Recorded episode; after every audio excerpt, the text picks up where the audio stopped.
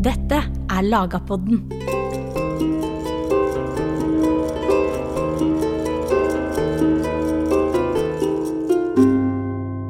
Magnus Lagabötes landslov regulerte verdslige saker i det norske riket.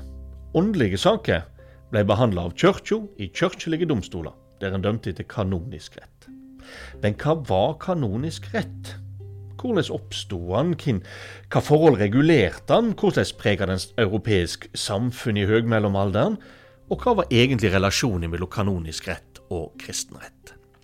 Og Til å svare på disse spørsmålene så har jeg med meg Anders Wineroth, som er professor i historie ved Universitetet i Oslo.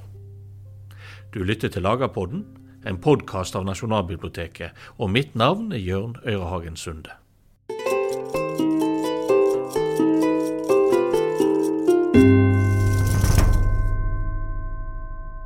Och Anders, du har med ett begynnande citat till oss. Ja, du bad mig att ge ett citat och, och så här kommer det på medeltidslatin. Humanum genus duobus regitor, naturali videlis et jure et moribus. Och det betyder att mänskligheten regeras av två saker, nämligen naturrätt och sedvänjor. Det här är de första orden i Gratianus dekret från mitten av 1100-talet. Som är det, egentligen den bok som, som grundlägger den högmedeltida kanoniska rätten. Ja, låt oss börja med det. Hur, hur hvor, langt tilbake i tid kan vi føre kanonisk rett? Gratian er den som etablerer denne som en, en, disiplin og som en veldig viktig faktor i europeisk rettsutvikling og samfunnsutvikling. Men kanonisk rett går jo lenger tilbake i tid. Alltså, den, går, den går helt tillbaka till, till biblisk tid. Uh, man kan tänka på diskussionerna i apostlagärningarna om, om huruvida hedningar ska omskäras och så vidare. Det, det är tidiga rättsliga diskussioner inom kyrkan. Eh, till att börja med så, så oroar man sig inte så mycket för detaljer och allting. För att man förväntar sig ju att världen ska ta slut snart. Mm. Så att man behöver inte, man, man, man ska lyda den världsliga lagen. Kyrkan ska lyda den världsliga lagen. Men man behöver inte oroa sig så mycket för att sätta upp sitt eget system. Men sen över århundradena så, så inser man att man behöver regler. Och reglerna blir mer och mer komplicerade över århundraden. Det är påvar som bestämmer och det är kyrkomöten som, som fastlägger hur, hur man som kristen ska leva sitt liv. Ja, for hvor, hvor finner en den kanoniske retten opprinnelig? Altså, Du sier det er kirkemøtet som lager den, mm. Eh, men hva rolle spiller da kirkemøtet i forhold til paven når det gjelder å lage de kanoniske rättsreglerna?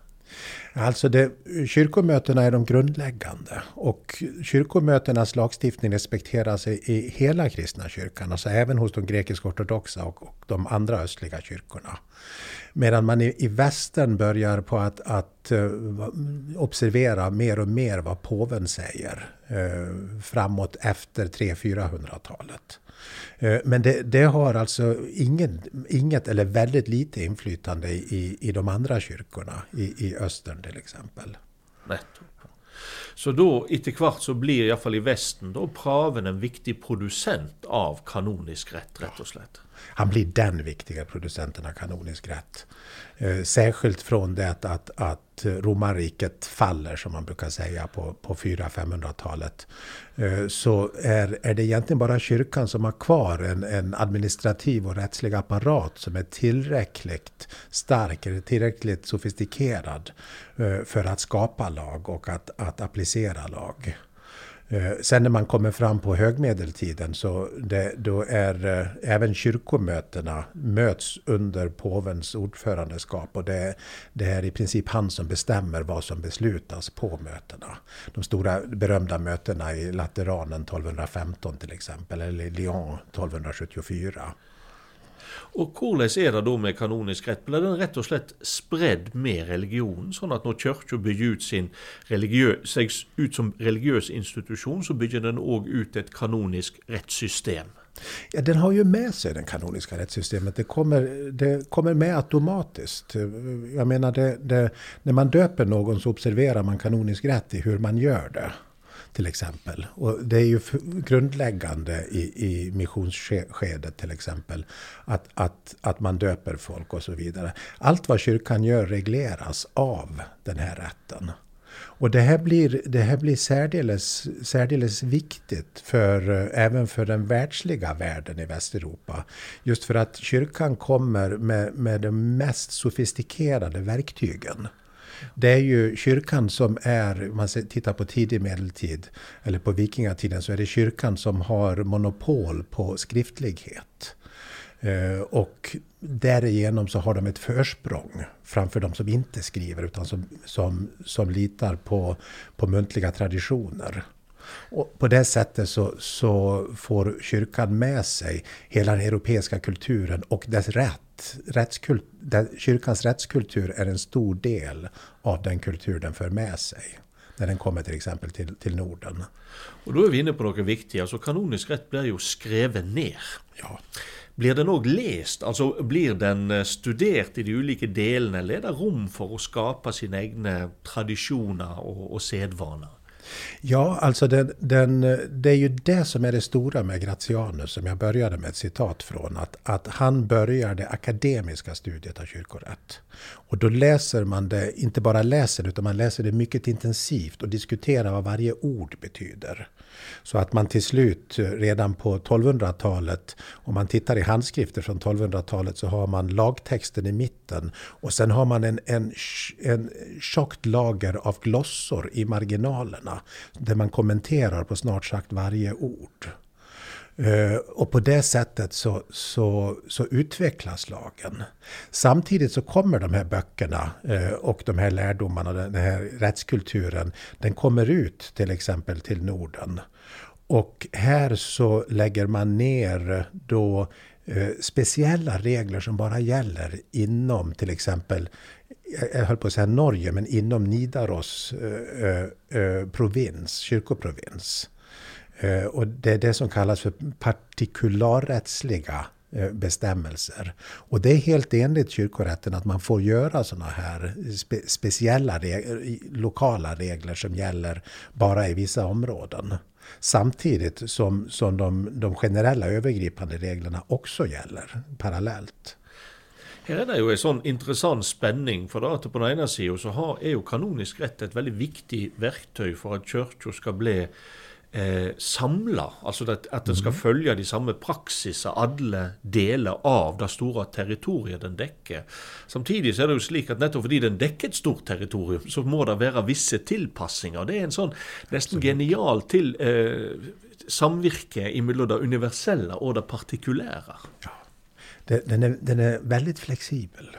Eh, det är vissa regler som är, som är väldigt strikta, det kan man inte gå ifrån. Men det är mycket annat som man, som man, som man för, för lokala och ja, lokala hänsyn kan, kan ge avkall på. Till exempel i Norge och Island har man tillstånd. Om sillen går till då får man fiska även på en söndag. Ja. Det får man inte i Italien. Det, det är bara här. Ja. Och, da, og da er vi jo over på noe veldig interessant. Fordi det er jo ikke slik at uh, kirka bare er et kommandosystem med paven på toppen som sender ut sine ordrer. Men det kommer jo inn førespørsler. altså Nettopp dette med sildo er jo et resultat, den regelen er et resultat av en førespørsel av erkebispen om en ikke kan gjøre en tilpassing. Så kirka er jo et gigantisk kommunikasjonssystem. Det är ett enormt kommunikationssystem. Och på det sättet är det också en förebild för kungar och kejsare runt om i Europa. Därför att kyrkans kommunikationssystem fungerar så mycket bättre än kungens. Så kungen försöker, vill ha ett lika bra system så han försöker efterhärma det. Ja. Og når det gjelder kunnskap om kanonisk rett, vi, vi forventer jo selvsagt at dette finnes i, i, Roma sentralt, men på hva nivå nedover i kirkehierarkiet kan vi forvente å finne kunnskap om kanonisk rett, og hva type kunnskap finner vi? Altså den, ifra, den, ifra paven til den lokale prest, hvor, eh, hvor, er, hvor, hvor mye endrer kunnskapsnivået seg? Ja, alltså det, alla, alla klärker vet något. Alla lekmän måste veta vissa saker. Till exempel så är alla lekmän eh, måste kunna döpa.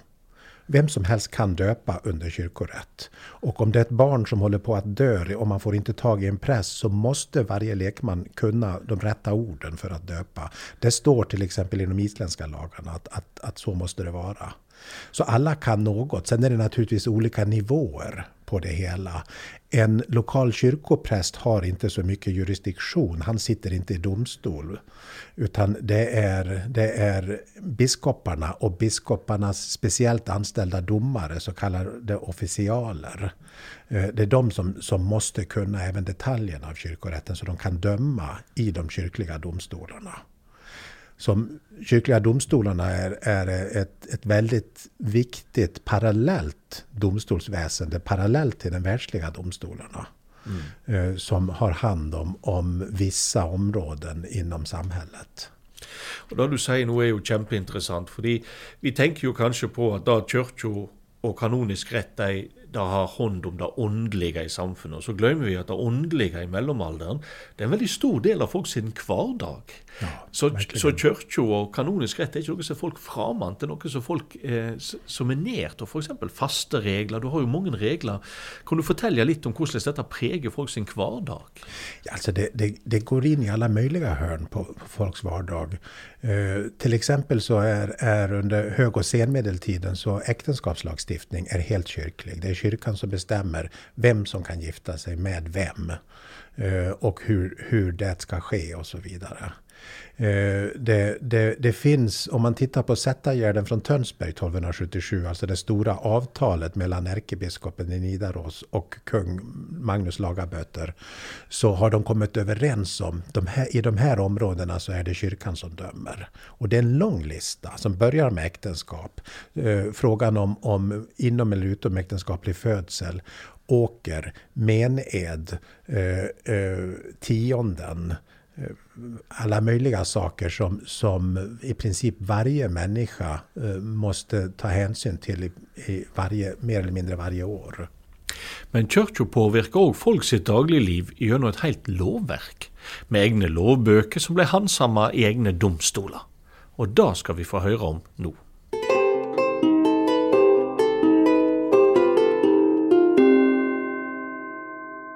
Men så har du egne domstoler. De er jo da først og fremst i biskopsbyene. Ja. Hvordan var de organisert? Hvem er det som er dommere der? Ja, altså det, det vanlig, det är biskopen som är domare för sitt stift. Men, men de flesta biskopar delegerar det till rättsligt utbildade människor, oftast människor som har studerat på de stora, stora lagskolorna i, i Europa, Bologna eller Paris eller så, eh, som kallas för officialer. Som alltså, officialen är domaren som fungerar ganska mycket som en, en domare fungerar idag i Norge, som är den som sitter där och, och, och bestämmer allting. Uh, han följer kanonisk rätt. Uh, han bryr sig liksom inte om landsloven tyvärr. Utan, utan det, det, det är kyrkans egna lagböcker. Eh, han, eh, han börjar, han kan börja en utredning om han hör någonting. Om det, om det finns ett, ett ett, om det går ett rykte i stan och det är liksom inte bara ett tillfälligt rykte utan att det, det är ett persistent rumor som man säger på engelska. Jag har skrivit om det på engelska nylig, nyligen. Eh, till exempel att det är någon som har en utomäktenskaplig affär. Då är det hans, hans plikt att träda in och försöka övertyga dem att sluta.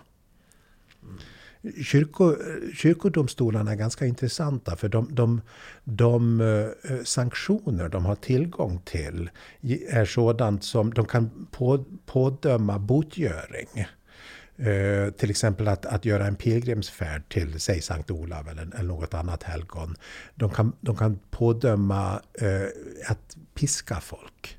Men det, det, är det, det är det hårdaste de kan göra om det är väldigt svåra straff som kätteri och sånt där så, så sänder de eh, de dömda till den världsliga makten som sen då kan avrätta eller vad som helst. Men kyrkan får inte göra det under kanonisk rätt.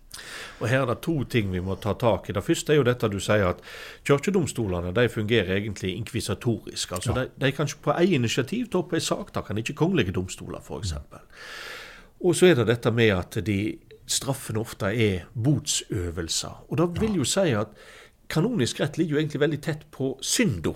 Ja. Altså, og, og, kan du si noe om dette med hvordan rett og synd på en måte, eller rett og religion, synd og forbrytelse, eh, smelter litt i sammen i den kanoniske retten? Ja, det gjør det vi ska ju komma ihåg också att den kanoniska rätten har egentligen två domstolssystem. Det är dels den öppna domstolen, biskopens domstol. Sen är det vad som händer under botgöring, alltså i, i biktstolen.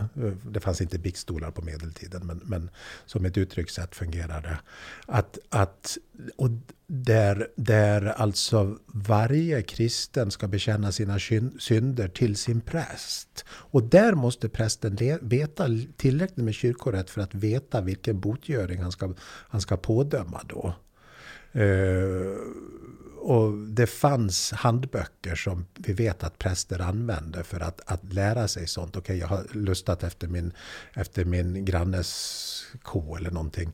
Eh, och och eh, då, då, då får... Eh, då, är, då är botgöringen si och så att du ska... Ja, eh, 15 Ave Maria brukar man säga. Det, det, det är mer en, en populär, populär eh, vanbild än, verk, verklig medeltid. Ja, ja.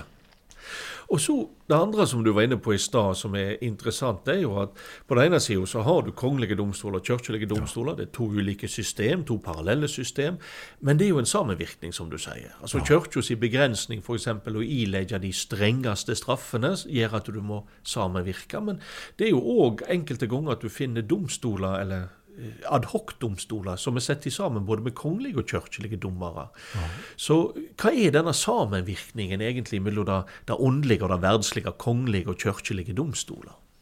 Alltså de, de två systemen strävar ju alltid efter att samarbeta. Vi, när, när, man läser historia så lär man sig väldigt mycket om de stora konflikterna mellan kyrka och stat. Men det mesta av tiden så samarbetar man. Eh, och bland annat genom att sätta samman sådana här, eh, såna här domstolar med både lekmän och kyrkomän. Fast sådana domstolar kan strikt, strängt taget inte utdöma dödsstraff eller något kroppsstraff bortom piskning. Ja. Um. Men um, det, det, detta samarbete är ju också på ett personplan på den måten att kongen var ju ganska avhängig av de personerna med lärdom som finns det innanför egentligen den kyrkliga sfären.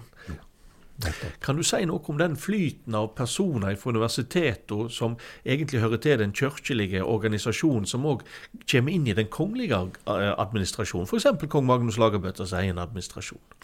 Ja, alltså det, det uh, varje universitetsstudent på medeltiden var uh, strängt taget en klärk. Eh, vilket betydde att den skulle dömas av en kyrklig domstol eh, och, inte den världsliga domstolen.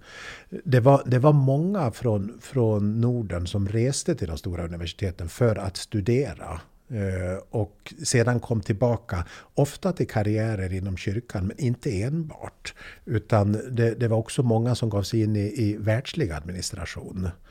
Eh, Bjarni Lodinsson, kansler, hade studerat just i, i Bologna till och med. Eh, och blev aldrig en, en, en präst eller någonting sånt. Han var klerk för att han var student, per definition. Eh, det, det observerade han förmodligen inte.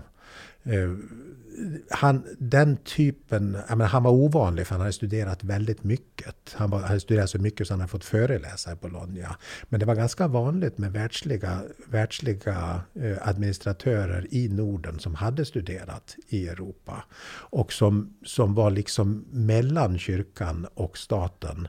Eh, de, de kan vid någon tillfälle ha, ha funderat på en kyrklig karriär men sen har gett sig in i en statlig karriär istället.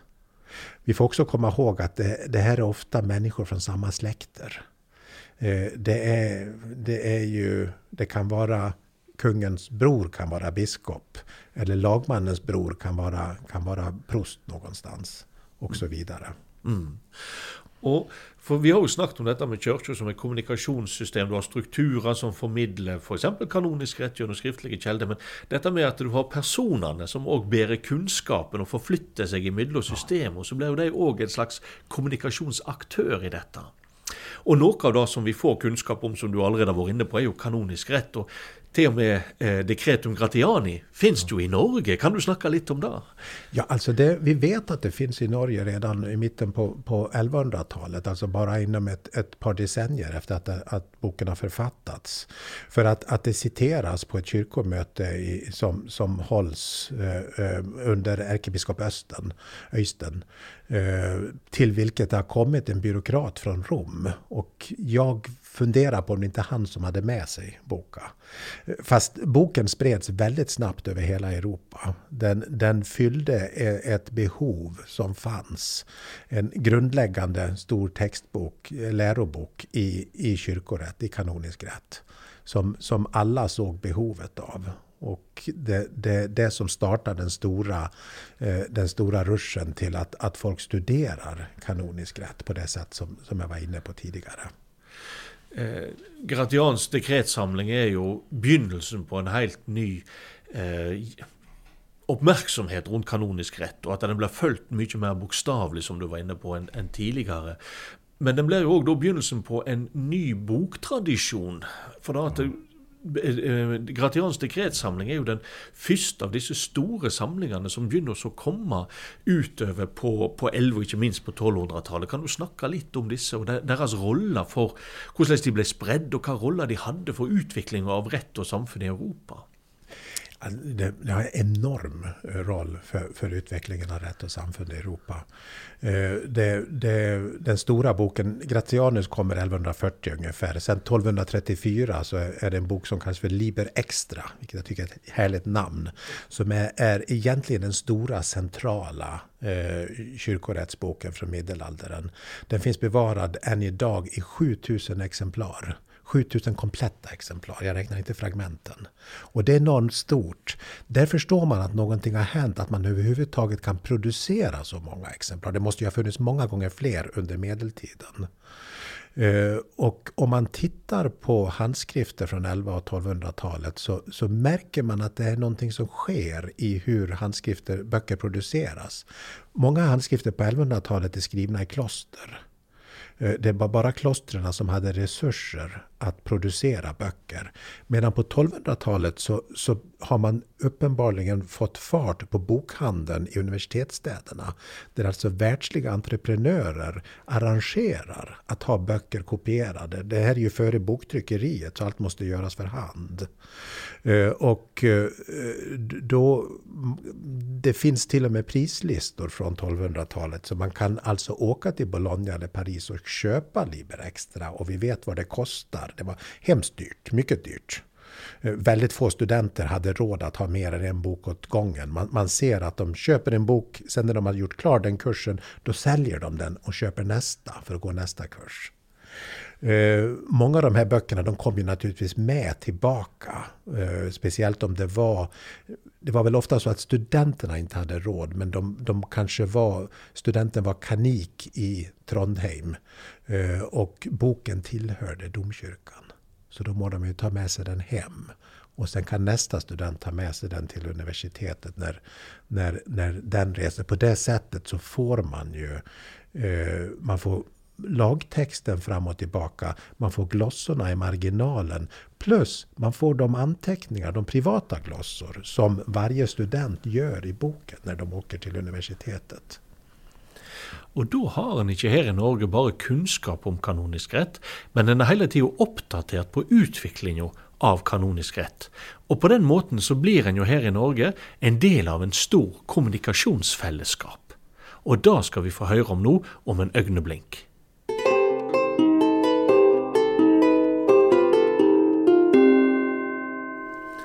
Dette som du forteller nå, understreker jo bare det vi har vært eh, inne på tidligere, dette kommunikasjonssystemet. Fordi nå blir ikke Norden en stad langt ute i periferien uten kontakt med det sentrale Europa.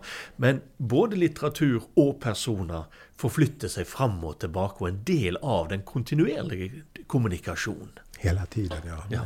Nettopp. Liber Extra, dette er jo egentlig et tillegg til Gratian, er det ikke det? Ja, det, det är vad namnet säger. Extra betyder alltså utanför. utanför det, det är de texter som är utanför Gratian. Men det, det, är en, en mycket mer avancerad bok än Gratian. Det är där kyrkorätten verkligen kommer in i, i sitt eget esse, så att säga. Eh, och, och blir en egen vetenskap på ett helt annat sätt än Gratian, som fortfarande har sina rötter i, i, i teologi. Gratianus text är mycket baserad på hans läsning av Bibeln. Uh, Bibeln är på varenda sida Gratianus. Liber Extra ser man inte Bibeln så mycket. Vad man ser där är romersk rätt. Som är någonting som har återupptäckts på 10 och 1100-talet och sen uh, blivit väldigt stort till 1200-talet. Men dette er jo òg en begynnelse på ei utvikling på 1200-tallet der du får de berømte juristpavene. Ja. Som, som, jo på en måte er litt mindre teologer enn tidligere, og rett og slett mer opptatt av regler, samfunnsstyring. Mm. Altså, Kirka beveger seg jo veldig tett inn på den verdslige delen av, av, av samfunnet. Og så kommer det jo en, en protest. Annet William of Oakham mm. er jo opptatt av at nå er det for mye juss og for lite teologi. Eh, hva, hva, er det som skjer på 12 år, begynnelsen av 1300-tallet? Ja, alltså det, det, det, är mycket klagomål på det och man, man har väl viss, viss... Eh, det ligger ju någonting i det, kyrkan ska vara kyrkan. Men, men, eh, men eh, det, kyrkan är en stor organisation och för att sköta en stor organisation så behöver man ett slags executive mot slutet av 1200-talet så, så man diskuterar det här väldigt mycket och sen tänker man påven dör. Nu ska man välja en ny påve. Nu ska vi välja någon som är verkligen religiös och kristen. Så man väljer denna, denna her, eremit som lever i princip i en grotta i norra Italien, Peter av Morone. Och han blir påve Celestinus den femte. Och det, alla är jätteglada. Här har vi nu äntligen en, en religiös påve. Eh, sen blir det advent. Och under advent fastar man och arbetar inte enligt Peter och Morones eh, världs, världs, världs worldview. Yeah. Eh, så att han, han slutar att, att, att leda kyrkan. Och allting bara faller samman. Han är alltså den, egentligen den, den första påven som, som uh, har avgått, abdikerat som påve, vilket han gjorde snart efter den julen. Och den som skrev den som skrev den, den, juridiska boken om hur man avgår som påve i, för att han skulle kunna göra det. Det var alltså den man som blev hans efterträdare som påve, Bonifatius den, den åttonde. Som är en av de här stora juristpåvarna som du, som du syftar till. Ja. Men kyrkan är för komplicerad för slutet av 1200-talet. Man måste ha någon som, som kan administrera en så stor organisation. Og så er det jo dette, du har jo vært inne på hvordan kanonisk rett òg i Norge setter sitt preg på norsk eh, rettsliv. Men i Norge og i Sverige og på Island så har vi jo dette merkelige fenomenet kristenrett. Ja. Og hva er kristenretten i forhold til kanonisk rett? Alltså de här kristenrätterna eh, är det här partikularrättsliga, eh, den, den särskilda lo lokala lagstiftningen som gäller jämte Eh, den, den, de stora Liber Extra och så vidare, de, de, stora generella lagböckerna som har de speciella bestämmelserna egentligen bara för de delar av den kanoniska rätten som berörde det lekmannasamfundet. Det står om äktenskap, det står om dop, det står om tienden, eh, sådana där saker. Det står ingenting om disciplinen inom kyrkan och så vidare. Det, för det har man sina egna, egna böcker. Mm. Eh, det är ju bråk som sagt mellan, mellan Magnus Lagaböter och ärkebiskop Jon om, om vem det är som bestämmer över den här partikularrättsliga. Och det är någonting som det ständigt i alla länder i Europa är eh, stora förhandlingar mellan kyrka och stat. Mm.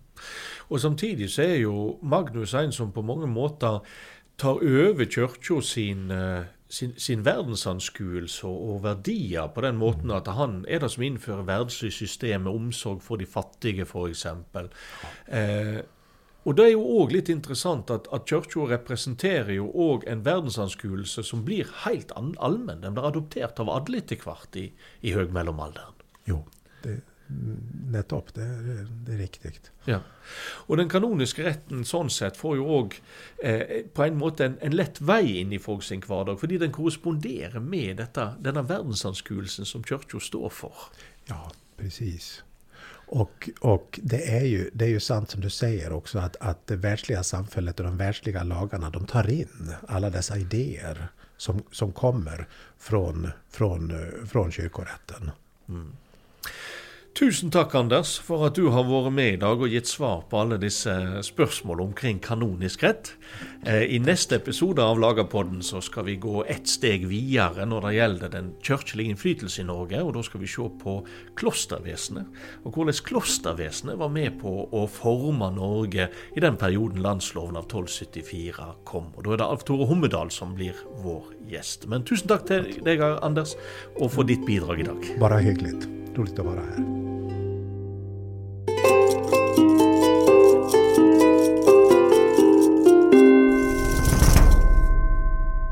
Du har hørt en episode av Lagapodden. Musikken i denne podkasten er skrevet og produsert av Øyan Groven Myhren. Hør flere av Nasjonalbibliotekets podkaster på nb.no eller din foretrukne podkastapp.